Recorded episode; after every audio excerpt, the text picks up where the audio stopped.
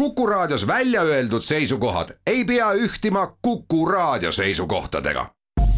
Te kuulate Kuku Raadiot.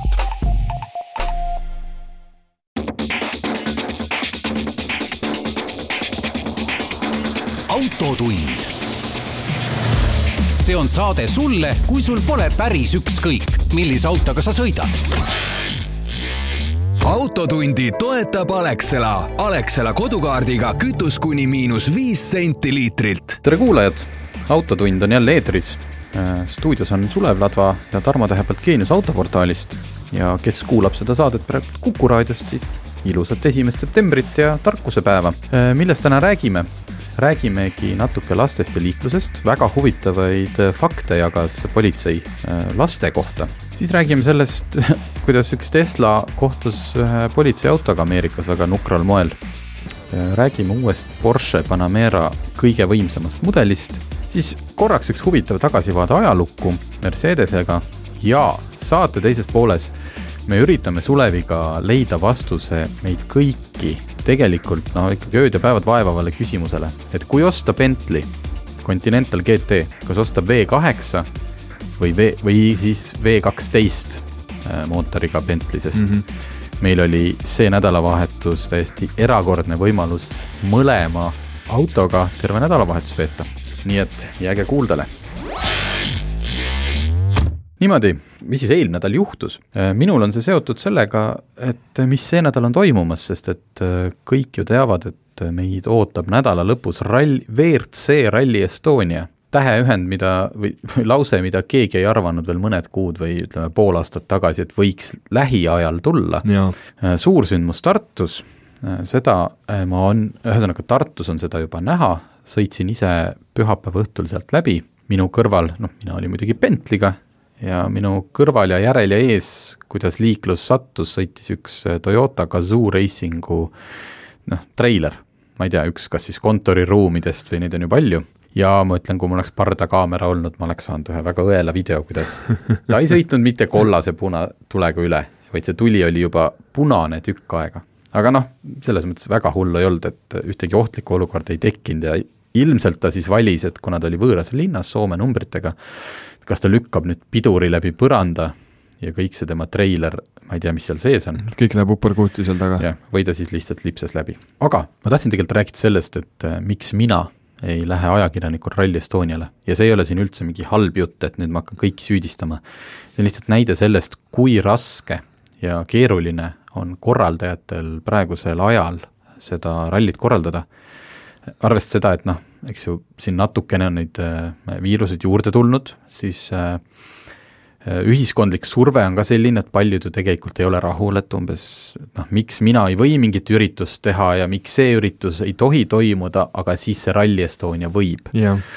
no minu arust tore, et toimub ja peabki toimuma, aga selle tõttu või tänu sellele on korraldajad ja F, FIA siis nende, nende eestvedamisel teinud need reeglid nii karmiks, et kui ma hakkasin, noh, mõtlesin, et ma siis akrediteerun, et lähen kohale, käisin ju eelmine aasta Korsikal rallil ja, ja see on ikkagi öö ja päev praegult, mis minu arust toimub, on see, et põhimõtteliselt, kui ma akrediteeriks tavaajakirjanikuna, siis kui ma sellest dokumendist õigesti aru sain, siis ma ei pääse sinna ralliparki, ehk siis sinna servicealadele ja seda kõike lähedalt vaatama mm, -hmm. nii nagu oli Korsikal, kus kõik rahvas vaatas, tulid autod tulid no, sisse nagu servicesse, jaa, just, rahvas, siis jah, et rahvas vaatas, kuidas neid autosid seal parandatakse, siis nelikümmend viis minutit on mm -hmm. aega, eks ju, kell läheb käima, et mind ei lubataks sinna, äh, tungivalt ei soovitata minna põhimõtteliselt ka vaatama, ehk siis publikualadele,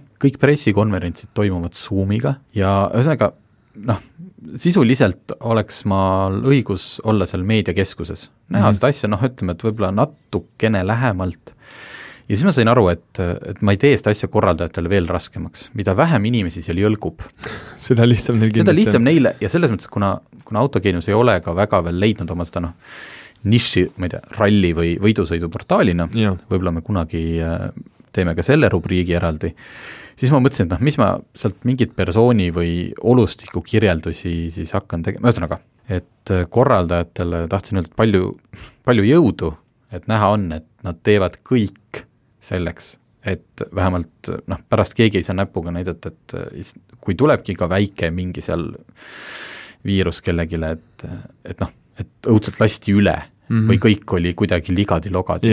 et vähemalt ette on küll kõik niimoodi ära tehtud, et äh, respekt, jälgin kindlasti seda veebi vahendusel, kõik ju, ega see info saamata ei jää. ja, ja, ja käituge teie ka, kes te kohale lähete, siis vastutustundlikult. nii, sina mida sina eelmine nädal avastasid automaailmast ma juba tean, mida sa avastasid, aga ma küsin ikkagi äh, ma avastasin, kui tähtis on äh, ikka korralikku tehnilist kontrolli teha autole, mis isegi tegelikult äh, päriselt sõidab väga hästi ja tundub, et kõik on jumala korras.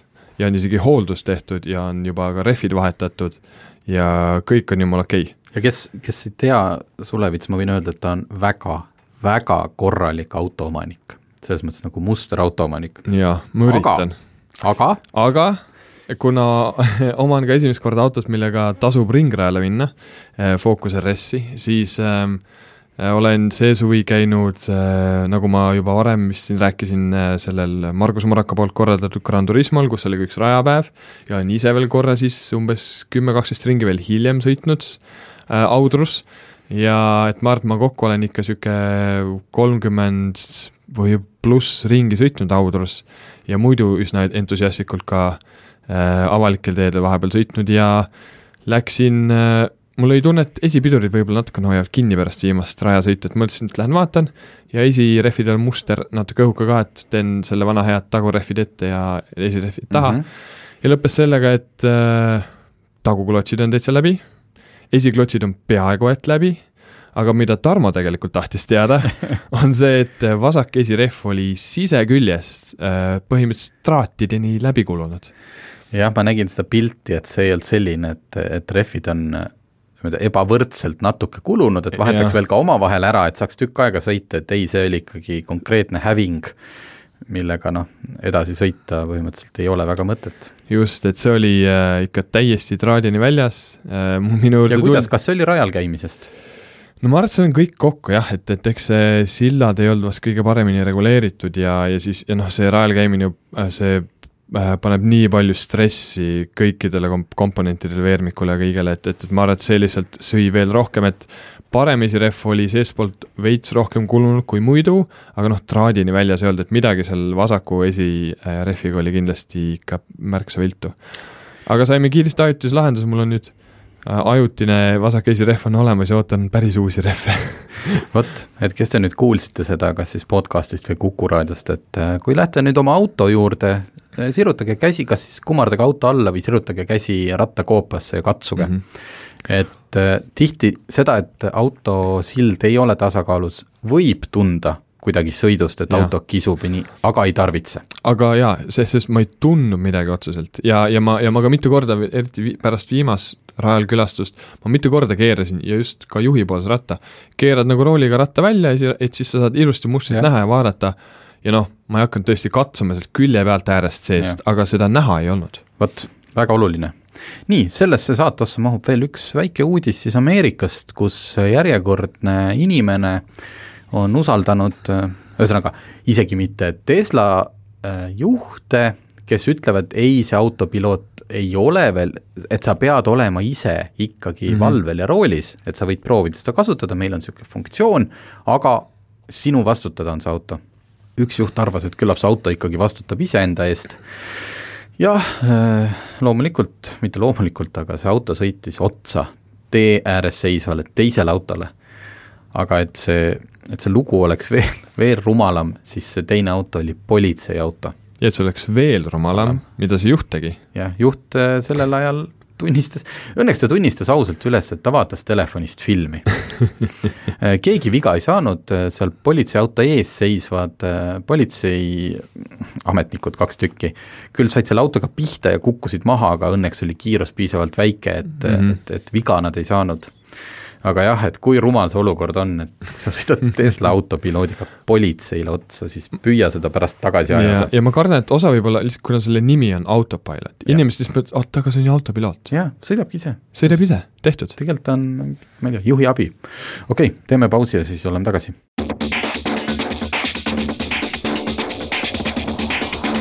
autotund see on saade sulle, kui sul pole päris ükskõik, millise autoga sa sõidad. autotund tagasi, nii, kuna on esimene september, lapsed on linnas, kool käib, me ju kevadest ei mäletagi enam seda, et lapsed tänavatel olid. loodame, et äh, lapsed saavad käia koolis äh, pikalt ja rõõmsalt. aga äh, politsei jagas oma liiklusjärelevalve keskuse nimelisel Facebooki lehel väga huvitavaid fakte. seal ei olnud juures, kust nad neid võtnud on, ma eeldan, et äh, nad ei ole neid välja mõelnud, vaid on äh, kuskilt kas siis omakorda leidnud, igatahes äh, esimene asi, ärge palun eeldage, et lapsed käituvad loogiliselt liikluses, jumala eest, noh, see, see on nii, sellest me oleme ise rääkinud, sellest on kirjutatud, teil on endal paljudel lapsed, te näete, et kui laps midagi näeb, ta võib kõik need õpetussõnad unustada, mida talle mm -hmm. koolis ja kodus on tambitud, vaata mõlemale poole teed, ära jookse bussi eest läbi. ehk siis esimene asi, kui kuskil on peatunud auto, buss, võtke hoog maha. aga need huvitavad faktid, et seal taga on ka natukene teadust, näiteks ma ei tea, kuidas, mida see tähendab, aga öeldud on, et kui laps jookseb, ei ole ta võimeline vaatama paremale või vasakule. ma ei tea, kas ta on siis nii jooksule keskendunud, et ta peab nägema seda suunda, kuhu ta jookseb, minu arust vaatab otse kogu aeg. mulle just tundub kuidagi, et lapsed vahivad absoluutselt igale pidi. poole mujale kui enda jalgade ette ja siis nad panevad käna ja siis nad nutavad. aga okei okay., järgmine. lapsel on üks kolmandik, ühe kolmandiku võrra kitsam nägemisväli kui täiskasvanul see on väga tähtis punkt. see on väga tähtis punkt, teie arvate, et te tulete rõõmsalt oma autoga, ta ju näe-, noh, et ta seisab ju seal ülekäiguraja juures, ta ju näeb, et ma tulen või kuskil mm -hmm vastupidi, ta ei seisa ülekäiguraja juures ja tahab teed ületada, ta ju näeb, et ma tulen. ei, ta ei näe, sest et tal on üks kolmandik äh, kitsam nägemisväli. järgmine, lapsel on väga hea kuulmine, aga piiratud võime määrata heliallika suunda mm.. jällegi, eriti kui meil tänapäeval need autod on vaiksed, kõigil ei ole V kaksteist Bentleysid või ma ei tea, otsetoruga BEM-i. Äh, on, on elektriauto, mis küll suhiseb ja suriseb, aga laps võib kuulda, et äh, midagi on, aga ta ei saa aru, kust see tuleb. Äh, siis on veel, et äh, laps võib rea-, reageerida teda huvitavale asjale ootamatult, alustades liikumist ilma mõtlemata. ja pluss laps ei oska hinnata sõiduki peatumisteekonda, mis on noh ma arvan, et seda isegi, isegi ei oska paljud täiskasvanud inimesed, olgem ausad. jah, ja siis, et kui täiskasvanu suudab hetkega määrata, kas sõiduk liigub või seisab, siis väidetavalt lapsel võtab sama tegevus aega mitmeid sekundeid hmm.. ehk siis, et ta näiteks laps hakkab, läheneb teele, tal on, nagu siin ees öeldud, tal on mingit, nägi midagi huvitavat, alustas liikumist ilma mõtlemata ja aju ei hakka ka veel teda pidurdama, sest ta ei saa aru, kas see auto, mida ta nägi, seisab või liigub mm. -hmm. et äh, ühesõnaga, sellised huvitavad faktid, palun jätke need meelde, palun jagage teistega ja palun olge ettevaatlikud ja mitte ainult esimesel septembril, äh, vaid loomulikult kogu aasta. nii, äh, lasen suve, Sulevil ka rääkida Porsche Panamera ehk siis äh, ja. Porsche neljaukseline sedaan sai uuenduse. jah, selline luksuslik pereauto, kui et võiks isegi niimoodi öelda. et äh, see uuendus on äh, nagu ikka selline facelifti moodi, et nüüd on vist äh, kolm, kui mitte neli aastat juba olnud äh, see teise põlvkonna Panamera äh, ja noh, välimuselt ei saa ma arvan, et keegi peale tõeliste Porsche fanatide või siis Porsche tööliste sellest aru, et noh, see on selline äh, päevasõidutuled on veits erinevad ja, ja, ja nüüd on öö, stange valik, mis oli ennem valikuvarustuses, on nüüd standardis, et, et välimisi muudatusi on tegelikult väga vähe, aga ma ei ütleks, et see midagi halba on, sest uus Panamera näeb igati kena välja. Aga kõige peamine muutus on just sellel kõige võimsamal Turbo S variandil, mis varem oli Turbo S e-hybrid, mis oli siis V8 pluss hübriid elektrijaam siis nüüd nad viskasid selle elektrijaami kus kurat ja panid lihtsalt kahe turbaga V8, tõstsid veits võimsust, äh, auto on kergem, äh, auto on selline kindlasti, ma arvan, et äh, Porsche fännidele selline puhtam kogemus ja nüüd oma klassi kõige kiirem auto nullist sajani, kolm koma üks sekundit. kolm koma üks suur peresedaan. just. kas see on nüüd mingi märk et Porsche loobus selle auto puhul, noh, mitte selles mõttes Panamera valikusse hübriidvariandid jäid alles. jaa, tuli lihtsalt 4S-i, 4S, mis kadus ära, tuli 4S hübriidi variant. lihtsalt turbo äh, Turbo S-i puhul võeti Jaa. see hübriid ära, et kas see on nüüd mingi märk, et Porsche proovis ja sai aru, et see lisakaal ja kõik see rohelisus, et see ei, et noh, numbrid lihtsalt ei jookse kokku. ma arvan küll, kuna see Turbo S on ikka see kõige kõigem variant, et siis sellel see kütusekulud keegi ei vaata, kui sa seda autot ostad niikuinii. et äh, no okei okay,, neli S-i puhul võib-olla ka väga mitte, aga noh, kui sa selle Turbo S-i, siis see on viimane asi. et sind ei huvitagi väga roheline, see on sind üritab, sind huvitab see, et ta läheb sirgjoones nii kiiresti kui üldse võimalik. ja ju siis see lisakaal äh, selle elektriajama puhul ja võib-olla ka, ka kurvidesse sõiduomadused, et nad leidsid, et lihtsalt paneme natukene äh, võimsust juurde V8-le ja tehtud. ja võib-olla kuna teine Porsche uudis see nädal oli see, et ähm, Taycani selline robustsem ja universaalkerega variant äh, Cross Turismo just, lükatakse edasi, sellepärast et äh, vähemalt see on Porsche väitel, eks ju, et Taycan tavaline müüb nii hästi, et nad keskenduvad praegu sellele, et kõik Taycani tellinud auto, inimesed saaksid oma auto võimalikult ruttu kätte.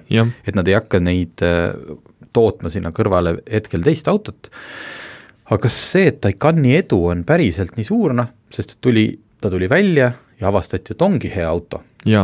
et äkki see tähendab seda, et nad on kuidagi oma selle tehase keskmise CO2, mis iganes Exceli tabeleid seal kasutatakse, saanud piisavalt heaks, et turbo puhul oli mõttekas sellest hübriidist loobuda. see võib küll, sest elektriauto ju, kui on esimene, neil varem pole elektriautot olnud, see tõmbab kohe ühe täiesti null CO2-ga auto paneb juurde, ehk see keskmist tõmbab korralikult maha, eriti kui see Taycan veel müüb nii palju.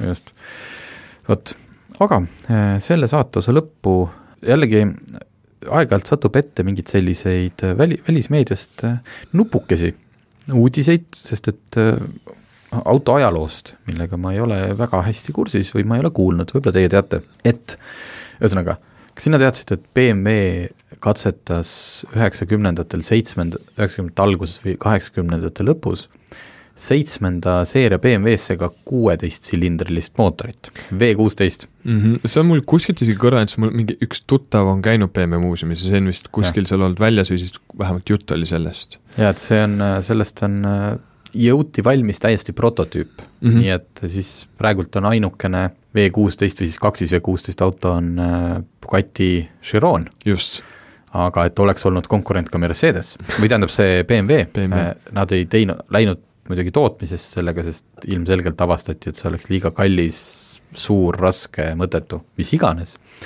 aga mina nägin nüüd äh, sellist lugu, et Mercedes üheksakümnendatel katsetas, õigemini tähendab ei katsetanud, nad ei jõudnud katsetusteni, vaid äh, on olemas joonised kaheksateistsilindrilisest mootorist, mida oleks siis pandud S-klassi sisse. ja see kaheksateistsilindriline eh,, miks ma ei öelnud V kaheksateist, sest ta ei oleks olnud eh, V-mootor, vaid kolmest R6 nagu mootorist kokku pandud selline, kujuta ette nagu kolmnurk, kus on kolm Aa. R6 mootorit omavahel ühendatud Oh, seitsmekümne viie koma viie kraadise nurga all. selle eelis oleks olnud muide see, et see ei oleks olnud mootor pikkuselt, ei oleks olnud pikem kui tavaline rida kuus ja hästi palju detaile oleks saanud taaskasutada või noh, nagu aga kui suur see nagu üldiselt see mootor oleks pidanud olema kui sügaval ta siis oleks pidanud istuma või, või kui, kas kapoti alla oleks ära mahtunud. Võimsust plaaniti kahes versioonis, lahjem oleks olnud äh, nelisada üheksakümmend hobujõudu ja seitsesada viiskümmend newtonmeetrit ja tippversioon oleks teinud kuussada kaheksakümmend hobujõudu ja kaheksasada newtonmeetrit. aga sellisel ajal? sellisel ajal äh, ma võin öelda, et uue S-klassi puhul, mis nüüd kohe välja tuleb, eelmine nädal rääkisime AMG S kuuskümmend kolm E ehk siis S kuuskümmend kolm pluss eh, elektrimootor mm -hmm. on, tuleb kaheksasaja hobujõuline. sellel siin oleks olnud kuussada kaheksakümmend, nii et ja kuskil ütleme keskeltläbi kolmkümmend, kakskümmend viis aastat tagasi. just, aga sellega ei läinud, ei, ei mindud jooniste tasemelt edasi. aga kui me jõudsime juba hobujõududeni, mida on enam kui kuussada, siis eh, peale väikest pausi tuleme tagasi ja hakkame rääkima, kuidas meie neid taltsutasime.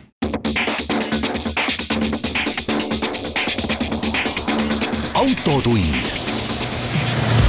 See on saade sulle, kui sul pole päris ükskõik, millise autoga sa sõidad. autotund tagasi, selline harv ja, ja erakordne juhus äh, juhtub Eesti, Eesti autoajakirjanduses harva, et tulevad sellise taseme autod, nagu on Bentley Continental GT-d, tuleb kaks tükki proovisõitu ja tulevad siis need äh, Inglise tehasest pressiautod, mis tähendab seda, et nad ongi sellisel äh, ringsõidul erinevates riikides, mis tähendab seda, et kui sul õnnestub see saada, meil õnnestus, siis seal ei ole mingit kilometraaži piirangut. Mm, -hmm. et äh, nii palju, kui sa ise sinna kütust jõuad sisse osta, nii palju, noh loomulikult äh, seal on väga kõrge omavastutus, ma andsin kaks väga-väga kallist allkirja, ma loodan, et äh, need autod äh,, tähendab õigemini nüüd, kui saade on eetris, siis loodan, et nendega ei juhtunud midagi. Äh,, aga, aga muus osas ei ole piiranguid jah, et äh, sa ei tohi loomulikult ära lõhkuda, et sa ei lähe nendega, ma ei tea, mingit äh, ringrajale niisugust hullu panema. Jah, aga sõidad palju tahad. Ja me siis sõitsime. mina sõitsin põhiliselt äh, V kaksteist, ütleme mugavuse huvides, tegelikult see ametlikult on ta nagu kaksis V kaksteist. lihtsalt see mootori ehitus on natukene teistsugune kui tavalisel V kaksteist justkui nagu kaks V kuute umbes. just, aga räägime V kaksteist, siis see on lihtsam. sellega, mis oli kabriolett, õnneks oli ka natukene kabrioleti ilma ja Sulev tegi võrdse, enam-vähem võrdse ringi vist mõlemaga. jah, ma küll selle teisega, mis oli kupee ja V8, sellega sain küll pisut rohkem ja Mhm. pikemalt mm, -hmm. aga üldiselt jah, et äh, mekkidasin mõlemat.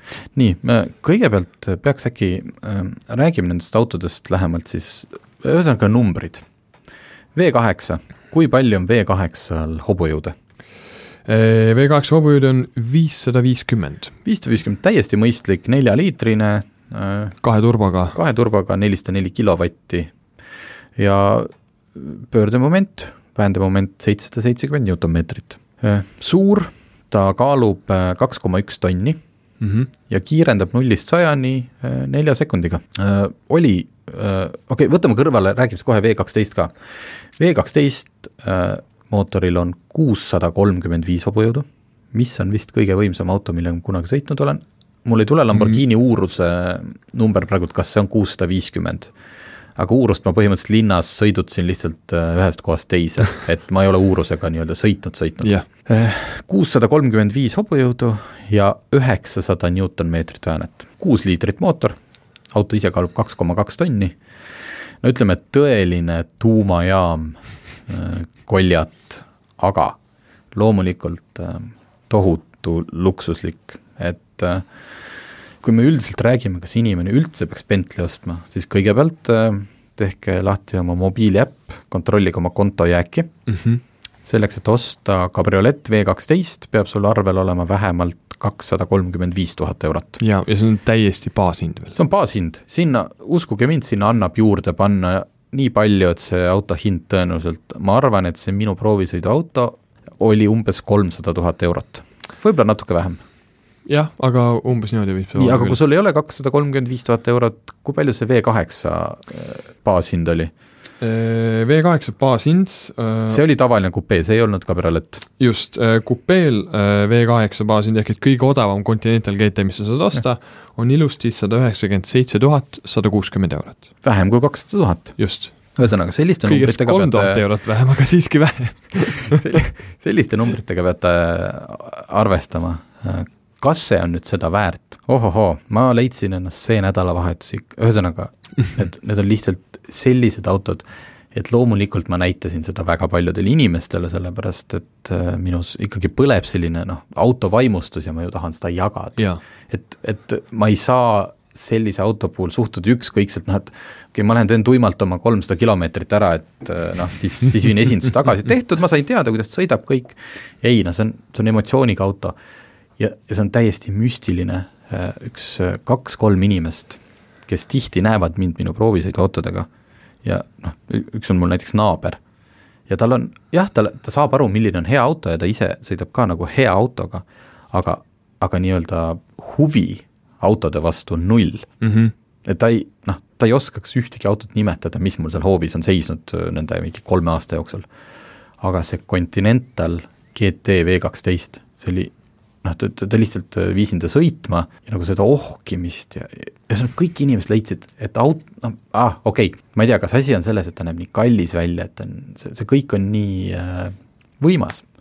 ja mina leidsin ennast ikka korduvalt äh, sellelt mõttelt, et kui äh, toimub äh, minu vältimatu rikastumine, mis iganes moel, teen mingi äpi, mis näiteks ütleb, et kus kõige paremad õunad poes on ja pärast teen exit'i ja müün selle mõne miljoniga maha, mis ma siis ostaks? räägime uutest autodest mm. -hmm. noh, mis meil menüüs on, eks ju, kohe kust läheb Lamborghini, Ferrari, McLaren, eks ju, jah, ja ma leidsin ennast mõttelt, et ma vist läheks ostaks Bentley omale selliseks pere ja, pere ja ilu ja kõigeks, sest et see auto teeb kõik, noh, selles mõttes, mida teeb ka Ferrari ja Lamborghini mm, Mhm. ma arvan, et vahe tuleb ilmselt sisse kuskil ringrajal. siis ta enam ei tee seda kõike. Mhm. Arvestades tema kaalu, tema mõõt, noh kõike, ja noh, füüsikaseadustele ta vastu ei saa. just, aga kui me räägime sellest, et sa tahad saada seda sõidurõõmu, mida pakub näiteks noh, ütleme kuuesaja hobujõuline mootor, siis ta hüppab niimoodi edasi, kaheteistsülindraline Bentley hüppab edasi kolm koma seitse sekundit, on nullist sajani Mm -hmm. sul ei ole rohkem vaja.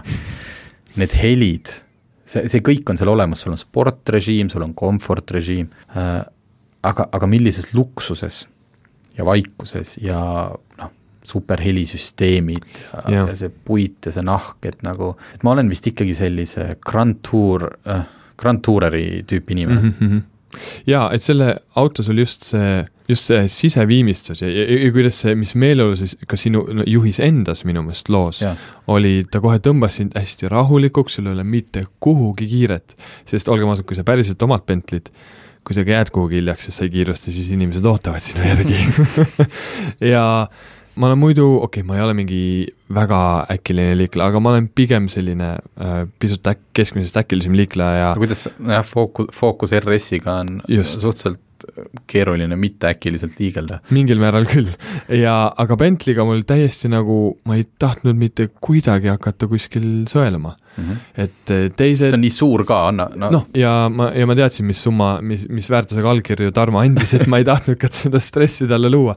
et aga, aga sa lihtsalt kulged, sa lihtsalt paned, ma isegi tihtipeale, ma ei pannud isegi mingit muusikat, sest ma nautisin seda vaikust, mis selles autos on, sest seda linnamüra, sinu enda autosõidumüra, mitte midagi ei kostu sulle sinna sisse ja sa saad vaiksel häälel rahulikult oma kaassõitjaga vestelda. just see, see tunne sellega sõites, ilmselt on see petlik, ma kuidagi vabandan ennast välja ja tunnen ennast ägedama, nagu ma olen, aga ma ei tunneks ennast nagu sellise douchebag'ina või nagu noh, nagu tead, sihuke õudne tõu-, tõusik, et nüüd sai kuskilt natuke raha ja nüüd on ta kõige kirkam ja kõige kõige häälekam äh, mingi sportauto, ei. mul on tunne, et ma olen jõudnud äh, oma elus või nagu teatud ikka, kus ma kannaks Bentley välja küll. kuigi ma, ma, ma tundsin, kui ma võtsin kabrioleti ja siis ma sõitsin Põhja-Tallinnast Trummi tänavale ja ausõna, ma pole kunagi nii palju pilke saanud. on, see on täiesti noh, ja, ja mul oli natukene selline, et nagu nad kõik teavad, et see tegelikult pole mina, vaata. jah, seda küll. et mingi kolmekümne kolme aastane sihuke pika kasvu nolki on, on sees, nad kõik teavad, vastupidi, mingid startup'i miljonär. jah, aga, aga selles suhtes ma, ma, ma pole jah, ma pole kunagi nii palju nagu tähelepanu saanud, aga samas see ei olnud selline tähelepanu, kõik vaatavad mingi, mida sina ja. siia tulid, kõik on siis nagu okei okay,, see on päris äge auto. et kui te ei saa praegu ta, nagu täpselt, et mis seal siis nii erilist on, lihtsalt äh, pange Google'isse Bentley Continental GT kakskümmend kakskümmend, et siis te saate nagu Jah. kõige uuema mudeli. tema välimus on silmapaistev ja, ja sellest ei vaata mööda ka nagu kõigi auto, ütleme, võõram inimene, rääkides mõõtudest, ma siin võtsin lahti, et see auto on kaks koma kaks meetrit lai põhimõtteliselt koos peeglitega, ja seda oli tunda. seda oli tunda. pikkus peaaegu viis meetrit nii, ühesõnaga me oleme siin Suleviga nüüd seda emotsiooni, mis sind valdab, see autos istumine ja selle autoga sõitmine, et ma noh, ma tõesti, ma sõitsin see nädalavahetus väga palju, ma sõitsin ka lihtsalt äh, mingi hetk, ühesõnaga käisin Setumaal selle autoga, mingi hetk ma panin siis pere ka niimoodi auto pealt ära ja läksin, sõitsin veel üksi lihtsalt mm Mhm, -hmm, niimoodi mm mhm, -hmm, Lõuna-Eesti teid õhtul, noh täiesti vapustav. vapustav. kui nüüd äh, korraks mainida, et kas sellel autol midagi viga ka oli, et ei oleks ainult üks kiidulaul, siis me siin Suleviga arutasime, et üks asi oli küll, ühes kohas äh, sellise hõbedase iluliistu servad kuidagi umbes null koma kakskümmend viis millimeetrit ei olnud päris paigas, et see veidike häiris ja minul kohati hästi palju sõitsin maanteid ja kui hakkasid möödasõite tegema, siis see käigukast kohe ei ots-, ei suutnud nagu aru saada, et kas ma tahan teha nüüd hästi äkilist möödasõitu või, või tahan pigem rahulikult ja siis ta mõnikord vahetas, ma ei tea, isegi mitu käiku alla niimoodi, et et see hüppas minu jaoks natuke liiga ootamatult või, või pöörded läksid kõrgeks. aga see võib-olla oli, ma ei saanud ise gaasi doseerida. et selles mõttes need autod ei ole päris puudusteta, aga ma suudan nende puudustega elada ja järgmises saatetunnis püüame me siis leida vastuse küsimusele, mitte saatetunnis, saate osas, et me võiks ka tund aega sellest rääkida. et äh, kui te nüüd ikkagi olete omal selle raha leidnud, kas siis võtta V kaheksa või V kaksteist?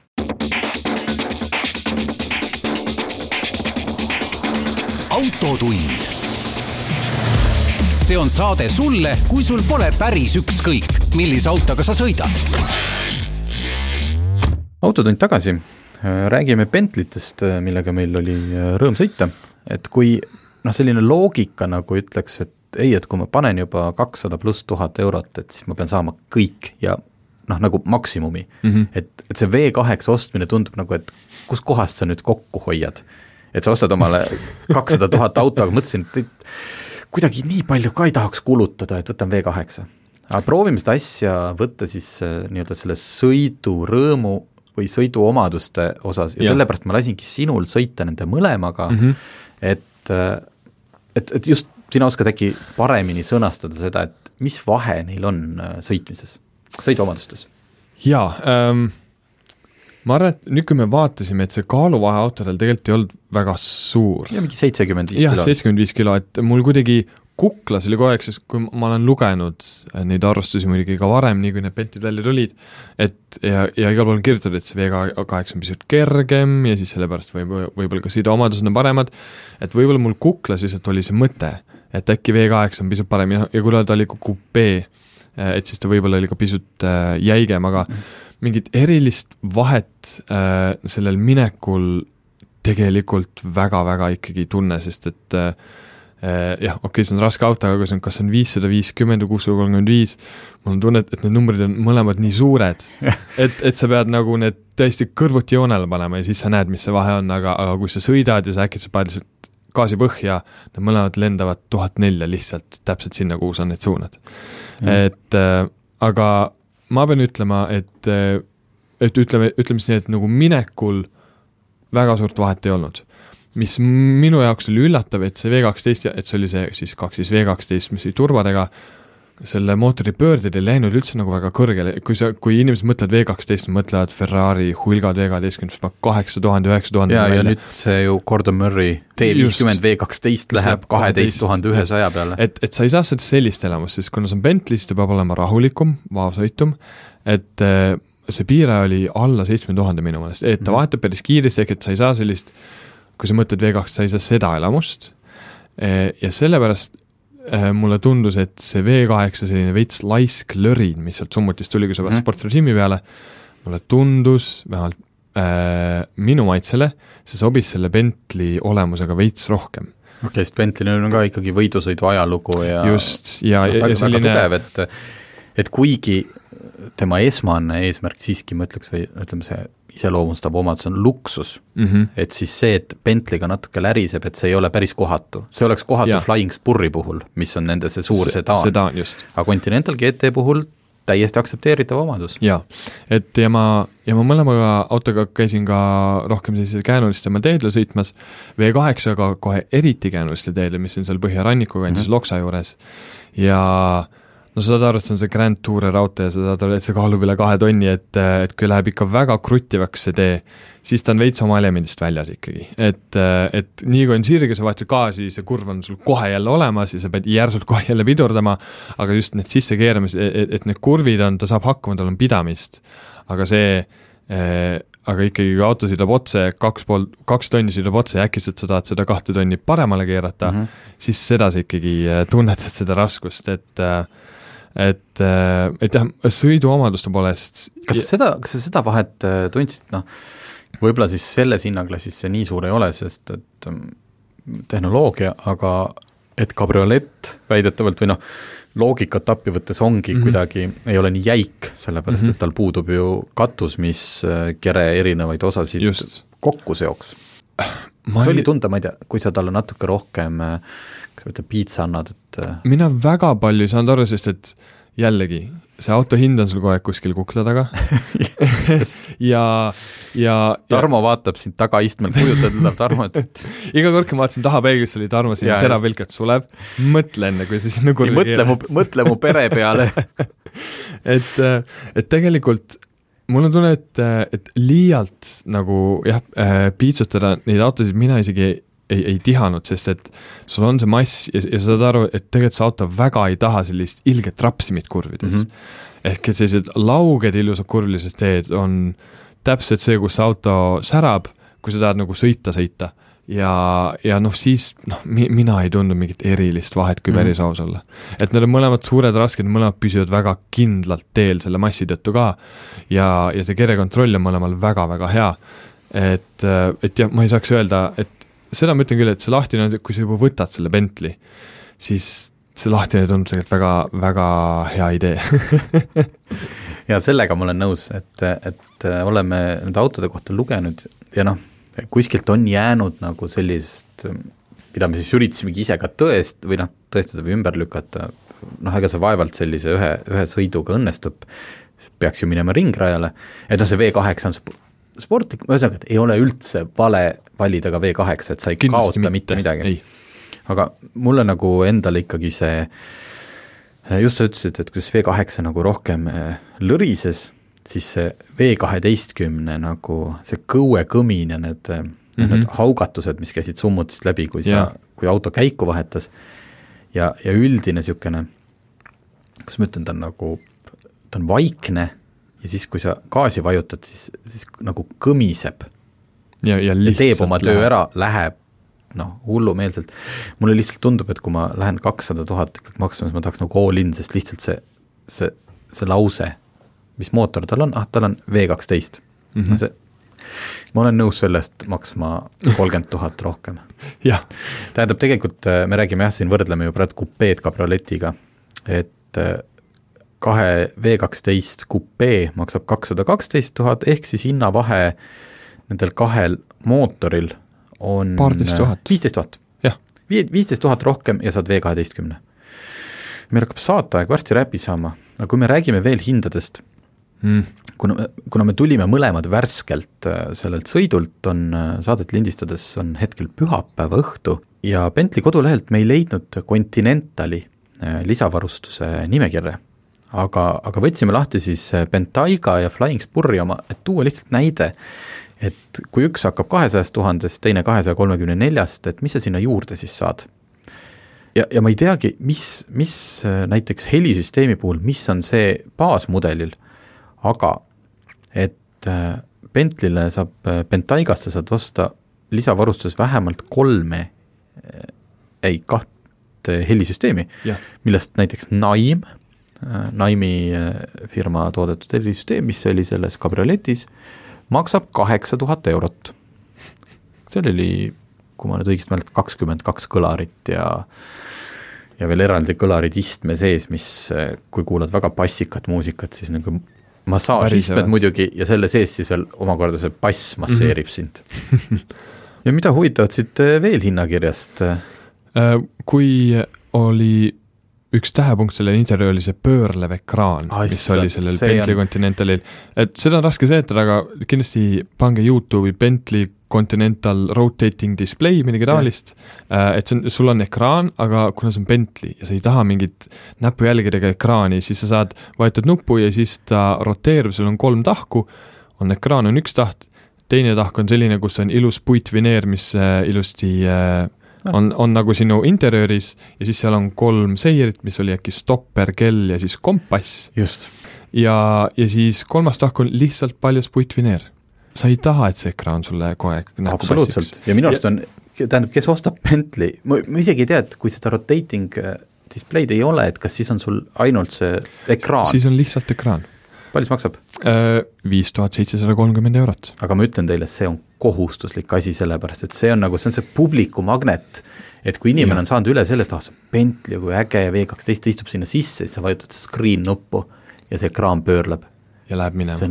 ja sinna ette tulevad need läikivad servad, sellised imelised kellad, no jah, et ja mina isegi lõpuks äh, enamus aega ma sõitsin niimoodi, et on lihtsalt need seierid, sest et kui see on ekraan, siis see on nagu tavaline auto, millel on suur ekraan lihtsalt, et äh, see teeb selle asja erilisemaks. just, isikupärane valik, satiinvärv, kolmkümmend üks tuhat eurot.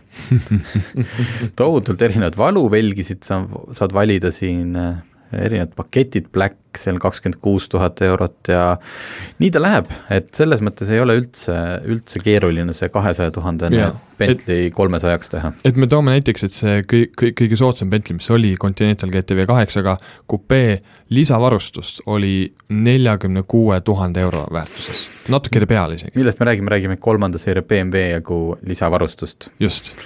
vot, et nagu te aru saate, oli meie nädalavahetus väga, väga tore loodame, et te nautisite me, meie rõõm, meie head tuju ja siis jätkuvalt ilusat kooliaasta algust ja kohtume juba järgmine nädal. nägemist! autotundi toetab Alexela, Alexela kodukaardiga kütus kuni miinus viis senti liitrilt